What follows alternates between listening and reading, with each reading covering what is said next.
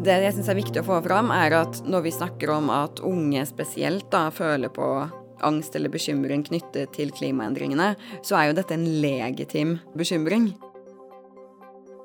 Halvparten av alle mennesker i Norge er bekymra eller svært bekymra for klimaendringene. Kvinner er mer bekymra enn menn, og unge er mer bekymra enn eldre. En del er også sinte, og andre føler mer på en sorg over dyre- og planteliv som går tapt. Thea Gregersen er forsker. Hun ser etter sammenhenger mellom følelser og handling. Er det f.eks. sånn at mennesker som er sinte eller triste eller bekymra for klimaendringene, tar mer klimavennlige valg enn de som ikke er bekymra for klimaendringer? Du lytter til en podkast fra Energi og klima. Mitt navn er Kirsten Øystese.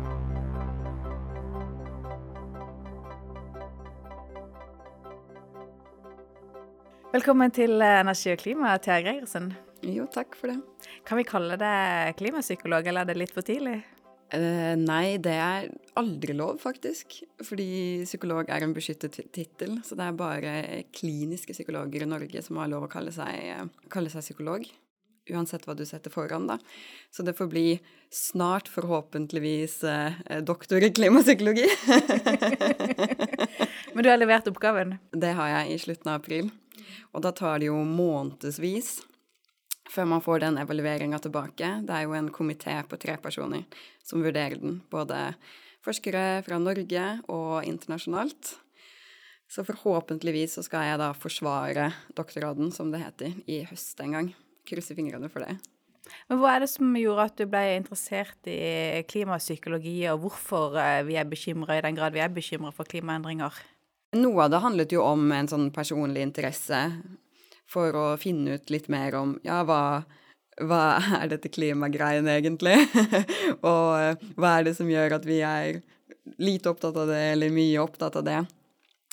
Uh, I tillegg til at det egentlig faglig er veldig interessant. For når vi hadde om da motivasjon og psykologi, så er det jo uh, ofte om motivasjon på individnivå, da. Så si en sånn typisk ting er jo hva er det som gjør at folk klarer å slutte å røyke? Og så sier man at ja, da er det viktig at man er klar over trusselen. Akkurat som det er viktig at man er klar over klimatrusselen for å ønske å gjøre noe med det. Ellers så har man jo ikke noe grunn til å skulle gjøre noe med det.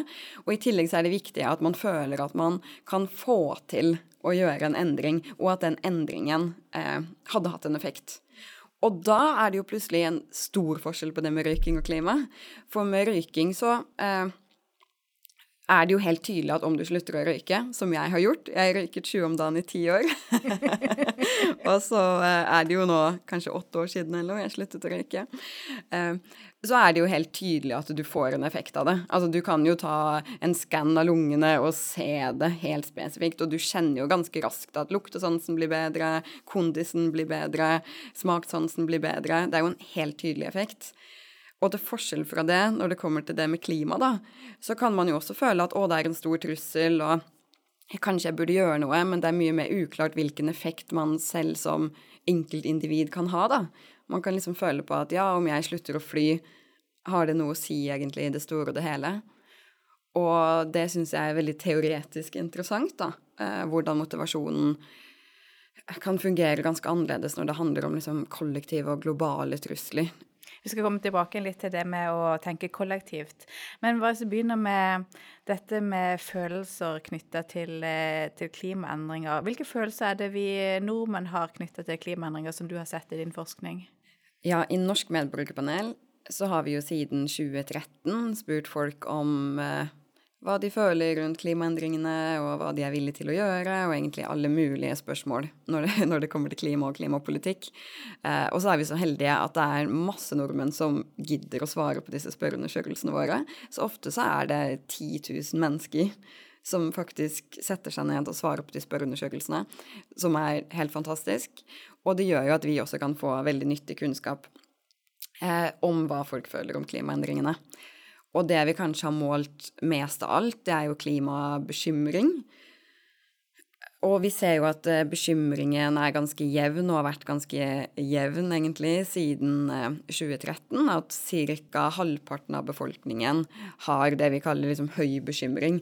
At når vi spør hvor bekymret er du for klimaendringene, så svarer de at de er bekymret eller svært bekymret.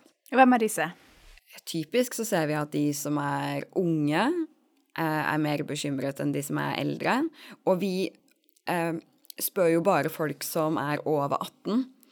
Eh, så vi kan ikke si noe med Norsk medborgerpanel om de som er enda yngre, men spesielt de som er mellom 18 og 30, da. De er typisk ganske mye mer bekymret enn de som er eldre. Forskjellen er at blant de som er født 1990 og senere, så er det vel omtrent 60% som sier at de er bekymret eller svært bekymret. Og så er det rundt 40% av de som er eldre, som svarer det samme. Og det er jo en ganske stor forskjell. Og du tilhører vel eh, sjøl den gruppa som er mest bekymra? Ja, det gjør jeg. Det, eh, jeg pleide å si i media sånn 'oss under 30', men det kan jeg ikke.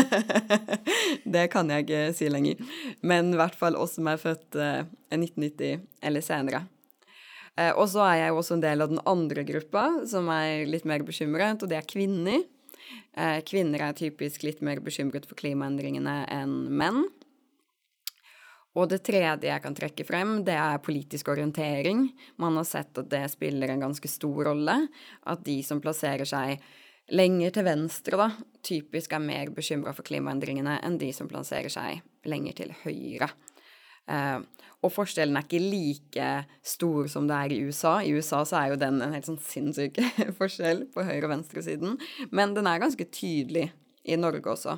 Selv om det er noen partier, da, sånn som Venstre og Miljøpartiet, eh, som ikke er like tydelig høyre-venstre-akse, da, men som har en mer sånn miljøprofil. Kan vi forklare hvorfor f.eks. For en ung kvinne som er venstreorientert, er blant de mest, som er mest bekymra for klimaet? Ja, da er det jo litt ulike forklaringer når det kommer til dette med alder og, og kjønn og politisk orientering, da. Men vi kan jo si typisk sånn at eh, de unge, om vi tar det først For det første så har jo de vokst opp i en litt annen verden enn de som er eldre. De har jo hatt kanskje mer fokus på dette med klima på skolen. De har hatt forbilder sånn som Greta Thunberg. Eh, media har sluttet å ha denne balanserte gåsetegn, balanserte klimadebatten med én klimaskeptiker og én klimaforsker. Eh, så de har jo vokst opp med en ganske annen informasjon eh, om klimaendringene enn de som er eldre. I tillegg til at eh, det er jo allerede sånn at vi ser konsekvensen av klimaendringene nå. Og media har jo knyttet sammen ekstremværhendelser og klimaendringene så de, så de, føler jo eh, kanskje allerede mer på kroppen at dette er en reell trussel, og de skal jo leve lenger med den reelle trusselen. Eh, selv om de ikke i like stor grad har vært skyld i å skape den trusselen. De har jo ikke levd så lenge. Eh, så det kan vi jo si om de unge, at det føles litt tettere på kroppen. Og så vet man også at en årsak til at unge er bekymret, er at de føler at eldre, f.eks. eldre familiemedlemmer eh, og politikere, ikke tar trusselen på alvor. Og det er jo en årsak til å bli bekymret i seg selv, ikke sant. At man opplever at kanskje både på skolen og media så ser man at det er fokus på IPCC-rapporten, hvor forskere sier at dette er en helt reell og ekstremt alvorlig trussel som kommer til å ha ekstremt store konsekvenser for verden, og så opplever man ja, kanskje da typisk at eldre familiemedlemmer prøver å bagatellisere den frykten man føler litt, da, eh, og at det i seg selv er grunn til å, til å være bekymra og se at ikke noe blir gjort. Når det kommer til kvinner, så er det kanskje litt vanskeligere å si, spesielt i Norge, men noe av det kan jo handle om at det har vært mer aksept for at kvinner generelt viser følelser eh, enn en menn. Og så på i hvert fall om vi ser på verden som helhet, da, så er det jo noen teorier, og det handler jo både om dette med alder og kjønn og politisk orientering, at de som vinner mest på at samfunnet fortsetter å være sånn som det alltid har vært, og sånn som det er nå, det er jo noen som er mer vinnere i det systemet, ikke sant.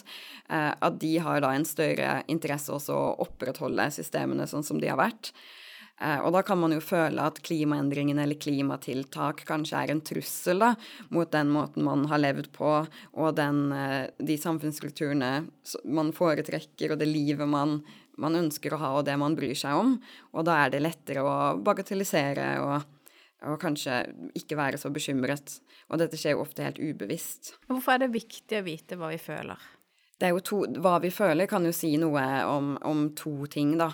For det første så kan hva vi føler rundt dette med klimaendringene, si noe om eh, hvordan vi ser på klimaendringene. Så hvorvidt man er bekymret eller ikke, har ofte blitt brukt som et mål på eh, i hvilken grad man ser klimaendringene som en risiko. Og det er jo viktig å vite hvorvidt folk ser klimaendringene som en risiko. For om vi ikke ser det som en risiko, så er det kanskje ikke noe poeng i å prøve å gjøre noe med det. Så det blir en sånn baseline for å ønske å, å gjøre en endring, da. At her er det noe som er en trussel, her er det noe som er, er galt, da. Uh, mens uh, og så er det jo noen følelser, sånn som både dette med frykt og håp, som har mer fokus på at man frykter eller håper på en eller annen eh, fremtid som vi ikke vet hva er. Så da vet man jo at folk kanskje har fokus, et sånn fremtidsfokus, mens andre følelser, sånn som tristhet, da, har jo mer fokus på, eller skyld, har jo fokus mer på det som har vært, og det som mennesker kanskje da har gjort, eller det vi har mistet. Eh, så det er kanskje det første. I eh, tillegg til det så er jo følelser viktig for hvordan vi handler. Og det er det jo mye forskning som viser, at følelser kan fungere som en motivasjon til å handle. Men forskning også viste at ulike følelser kan føre til ulike typer handlinger, eller ulikt nivå kanskje av handling også. Og de fleste har jo hørt om at eh, frykt f.eks. kan føre til liksom fight or flight, eller freeze til og med. Uh, og mens bekymring, som er en mindre da, intens og langvarig følelse enn en sånn umiddelbar frykt, da, i forskningen har vist at eh, absolutt kan være en motivasjon til å ønske å gjøre noe, fordi man er klar over, klar over risikoen. Så det er bra at vi er bekymra? Absolutt. Først og fremst så er bekymring en, en uh, motivasjon til å handle, fordi det viser at eh, vi er klar over risikoen. De fleste klimafølelser kan være en liksom positiv uh, fuel uh, for og en motivasjon for å endre noe, da. Uh, men at man trenger da å kombinere det, de følelsene man har, med en, også en følelse om at det er verdt å gjøre noe, man kan få til å gjøre noe, og at man er klar over hva man kan gjøre, og at det da fungerer som en positiv drivkraft istedenfor å bli noe negativt og veldig innadvendt. Og det er jo det samme om man ser på dette med tristhet, da. Eh, det er jo mange som eh, Og det ser vi også i dataene våre, at det er veldig mange som sier at de føler tristhet når de tenker på klima. Og det kan jo handle om eh, både, det, både, det, vi allerede har tapt. Vi vet jo at det eh, endret klima fører til utryddelse av arter, f.eks. At det kan føre til skogbranner, som er tap av natur. Eh, og eh, ekstremvær har jo også tatt livet av mennesker, ikke sant, så det kan jo være en tristhet for det vi allerede har tapt, men også en tristhet i forhold til det vi vet at vi kommer til å tape i fremtiden. Og da kan man jo tenke at tristhet er kan være en negativ følelse på den måten at når man er trist, så blir man ofte litt sånn innadvendt, og man trekker seg unna. Men tristhet kan jo også føre til, eller sorg, da, at man trekker sammen med andre, at man prøver å søke støtte hos andre, og det kan jo være noe konstruktivt. Eh, og nå driver jeg og leser en bok som heter Generation Dread av Britt Ray, eh, og noe av det hun snakker om, er nettopp dette med klimasorg, da, og hvordan klimasorg kan være noe konstruktivt fordi man finner sammen, og man blir da i kontakt med følelsene sine på den måten at man merker at dette er jo noe jeg bryr meg om, ellers så hadde jeg jo ikke følt på denne sorgen. Men at det som kanskje mangler ofte, og som gjør at sorgen blir mer innadvendt, er at det er usikkert hvor akseptert det er å gå rundt og føle på en sorg eller en tristhet når det kommer til klima. Fordi man kan oppleve at mange kanskje bagatelliserer det litt, eh, sammenlignet med annen sorg, da det er jo mye sorg som er veldig tydelig akseptert i samfunnet. Om man f.eks. mister et familiemedlem, så, så, er jo det veldig akseptert at man sørger over det. Og det fører ofte til at man finner sammen med andre, ikke sant. Eh, at man får støtte fra de rundt seg. Mens den sorgen over naturen og atmosfæren og konsekvensen av klimaendringene kanskje fortsatt blir litt bagatellisert, så man tør ikke å snakke helt høyt om det. Eh, og det kan gjøre at det blir mer negativt enn positivt, da. I tillegg så har vi jo følelser sånn som skyld, eh, og som også kan henge litt sammen med skam og flyskam, og det snakker man jo ofte om som en veldig negativ følelse. Eh, for man vet jo også det at når man, eh, når man skammer seg så kan man jo bli litt sånn defensiv noen ganger, om man liksom har gjort noe som noen føler er galt, og så blir man litt sånn defensiv og, eh, og i hvert fall trekker seg unna. Eh, I tillegg så har vi sinne. Og i Norge så er det ikke så mange som svarer på generelt nivå i den generelle befolkningen at de føler på mye sinne knyttet til klimaendringene. Eh, men det er jo noen undergrupper som tydelig da er mer sinte, sånn som unge.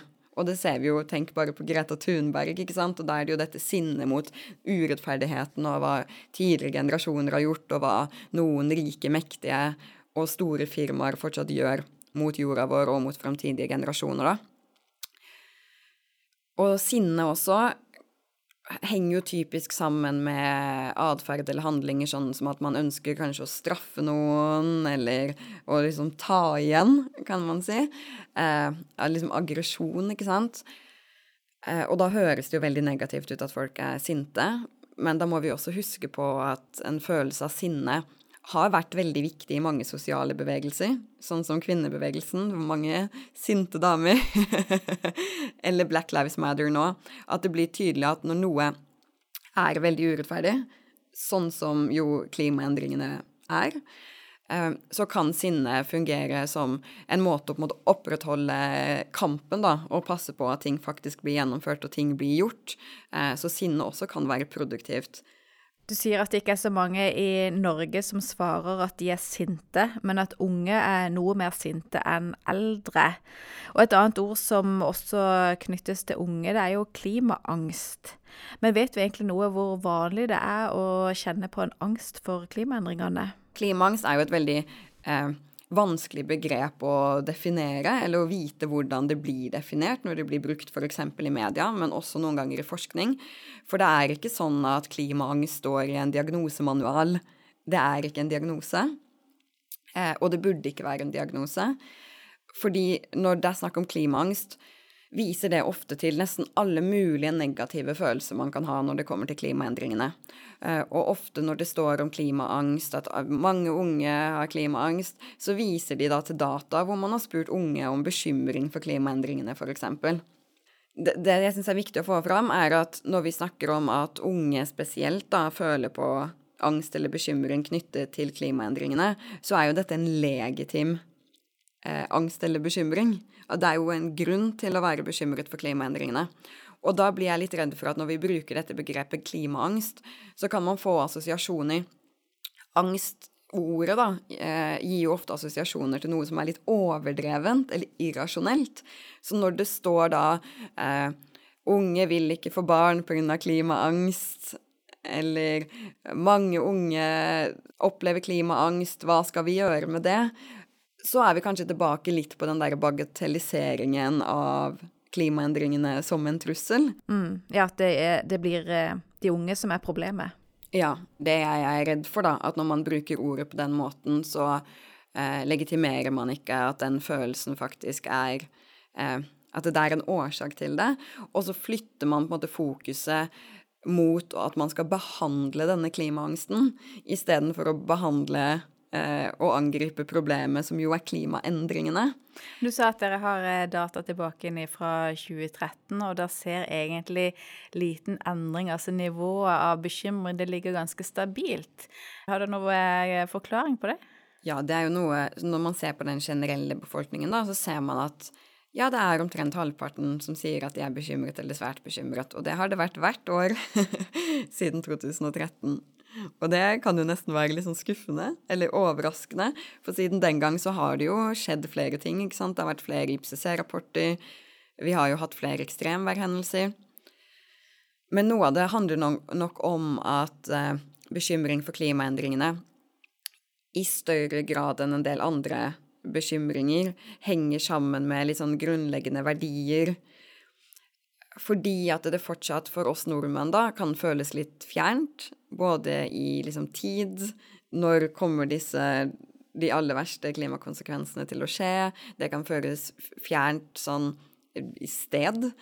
Altså, det er jo ikke i Norge eh, vi har følt på eller kommer til å føle på de aller verste konsekvensene, og at det ofte kan føles litt fjernt sånn hypotetisk. At kan man egentlig si at disse skogbrannene i USA eller denne flommen i, i Tyskland er direkte knyttet til klima? Så det, det er litt mer sånn spørsmålstegn man kan, man kan stille seg, som gjør at eh, de som eh, har kanskje interesser og en type eh, livsstil og som passer med, med å ville gjøre noe med klimaendringene da, og de klimatiltakene som blir foreslått. Det er veldig lett for de å være bekymret og bare fortsette å være bekymret og føle at dette må prioriteres. Mens de som opplever at, at de klimatiltakene som foreslås, kanskje er litt et angrep på deres måte å, å leve på, de fortsetter da å bagatellisere klimaendringene Eh, fordi i Norge er vi kanskje privilegerte nok til at vi føler at vi kan gjøre det. Eh, fordi trusselen ikke er like nær sånn som trusselen med koronaviruset, f.eks. Da var det jo ikke mulig på samme måten å bagatellisere det. ikke sant? Det var veldig tydelig at det kommer til å treffe, og det kommer til å treffe alle, og det er veldig synlig hva konsekvensene er. Eh, mens med klima så, så, blir det kanskje mer et verdispørsmål enn et direkte sånn eh, daglig bekymringsspørsmål, sånn som mye annet er, da. Men hvis de under 30 er mer bekymra for klimaendringene enn de over 30, hva skjer da når 30-åringene eh, blir 40 og 50? Blir de da gradvis mindre bekymra, eller tar de med seg bekymringene inn i voksenlivet og inn i alderdommen? Ja, og det har jo vært et spørsmål i forskningen, da. Handler det om alderen din, altså livsløpet, ikke sant, livssyklusen og endringer i livssyklusen, eller handler det om generasjon? Eh, og at de som er i de yngre generasjonene, tar med seg bekymringen. Eh, og det meste av forskningen indikerer da at det nå handler om generasjon. Og egentlig så handler det jo om begge deler. At det, vi vet jo det at eh, gjennom livet så har man ulike prioriteringer. At man har ulike prioriteringer når man er ung og har dårlig råd og er student, kontra når man får en familie. Altså man bryr seg kanskje mer om skolepolitikk, f.eks., enten når man går på skolen selv, eller når man har et barn som nettopp har begynt på skolen. Så det er jo helt naturlig at man kommer til å ha ulike prioriteringer, og det kommer man jo til å ha også i de generasjonene som blir eldre nå. Eh, men det ser ut som at de også tar med seg den klimabekymringen videre. Eh, at det kommer ikke til å switche helt plutselig når de blir eh, voksne og forstår hvordan verden fungerer. det er jo kanskje det man sier noen ganger, ikke sant.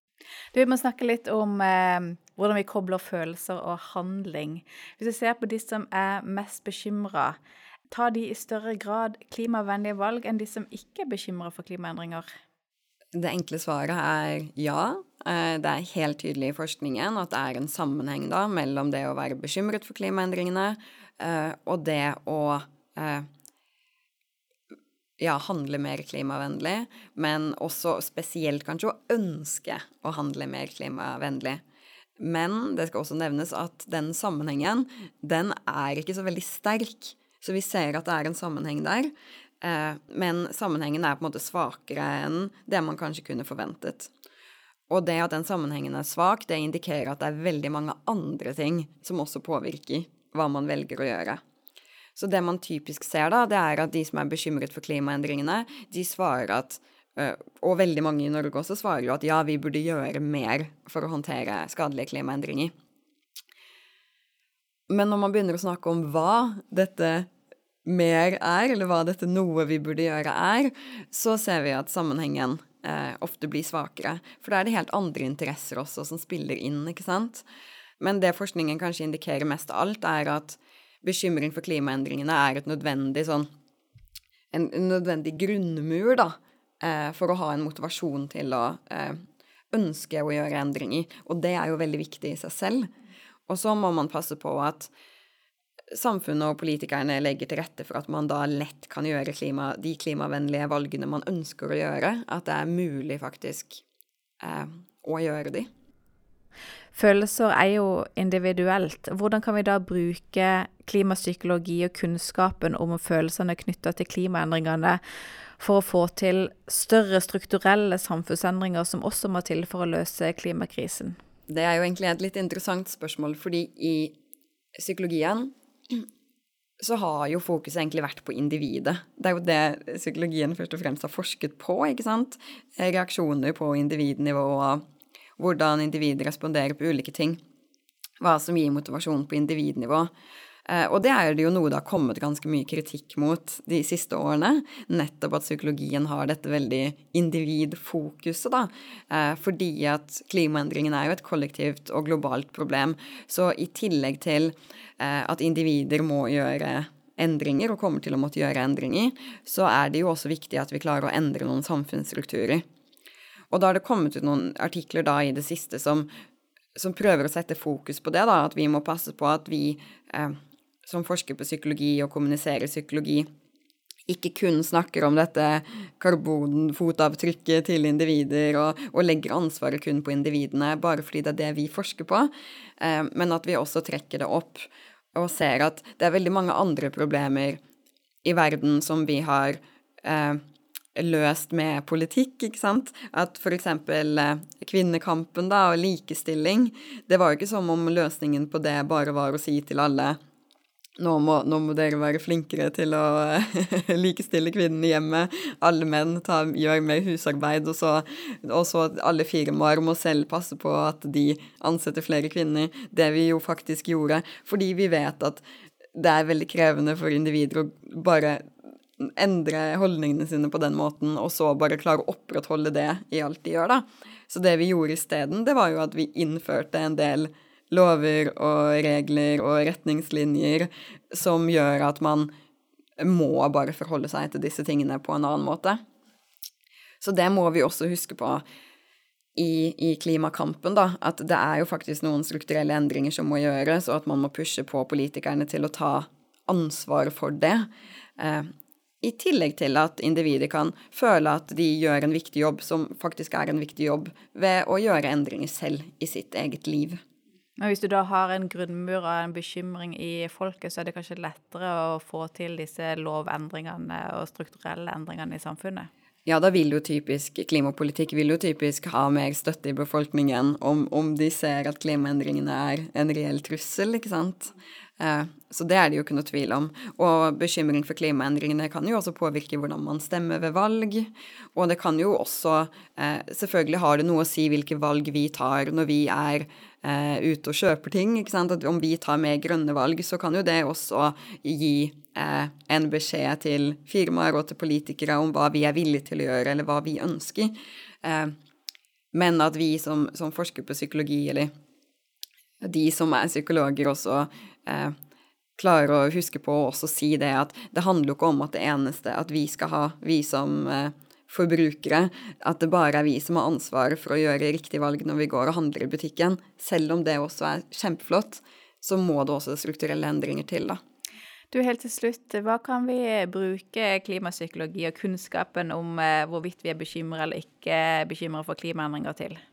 Når jeg jobber med, med Norsk medborgerpanel eller eh, ulike spørreundersøkelser, så gir jo det viktig informasjon på den måten at eh, både vi som er forskere og politikere og eh, generelt folk som bor i Norge, blir klar over hvordan på en måte ståa er da, når det kommer til eh, bekymring for klimaendringene og støtte til ulik klimapolitikk. Og det er jo viktig. I tillegg så kan vi jo bruke liksom, psykologisk kunnskap. Psykologien har jo eh, gjort mye forskning på det som handler om motivasjon, f.eks., det som handler om følelser. Hva er det som gjør at man eh, er villig til å gjøre en endring eller ikke gjøre en endring. Så da er det jo viktig å på en måte oppdatere den kunnskapen, sånn at det også passer til eh, mer globale og kollektive eh, trusler, sånn som klima. Og det gjøres jo nå. Eh, så jeg føler jo at eh, nettopp det som handler om, om eh, motivasjon og verdier er utrolig viktig når det kommer til klimaendringene og handling, og det kan jo psykologien hjelpe til med, da. Mm. Du, da sier jeg tusen takk for praten, Thea. Jo, takk for det. Takk også til eh, du som lytter på Energi og klima, enten du er ny eller fast lytter. Takk for i dag.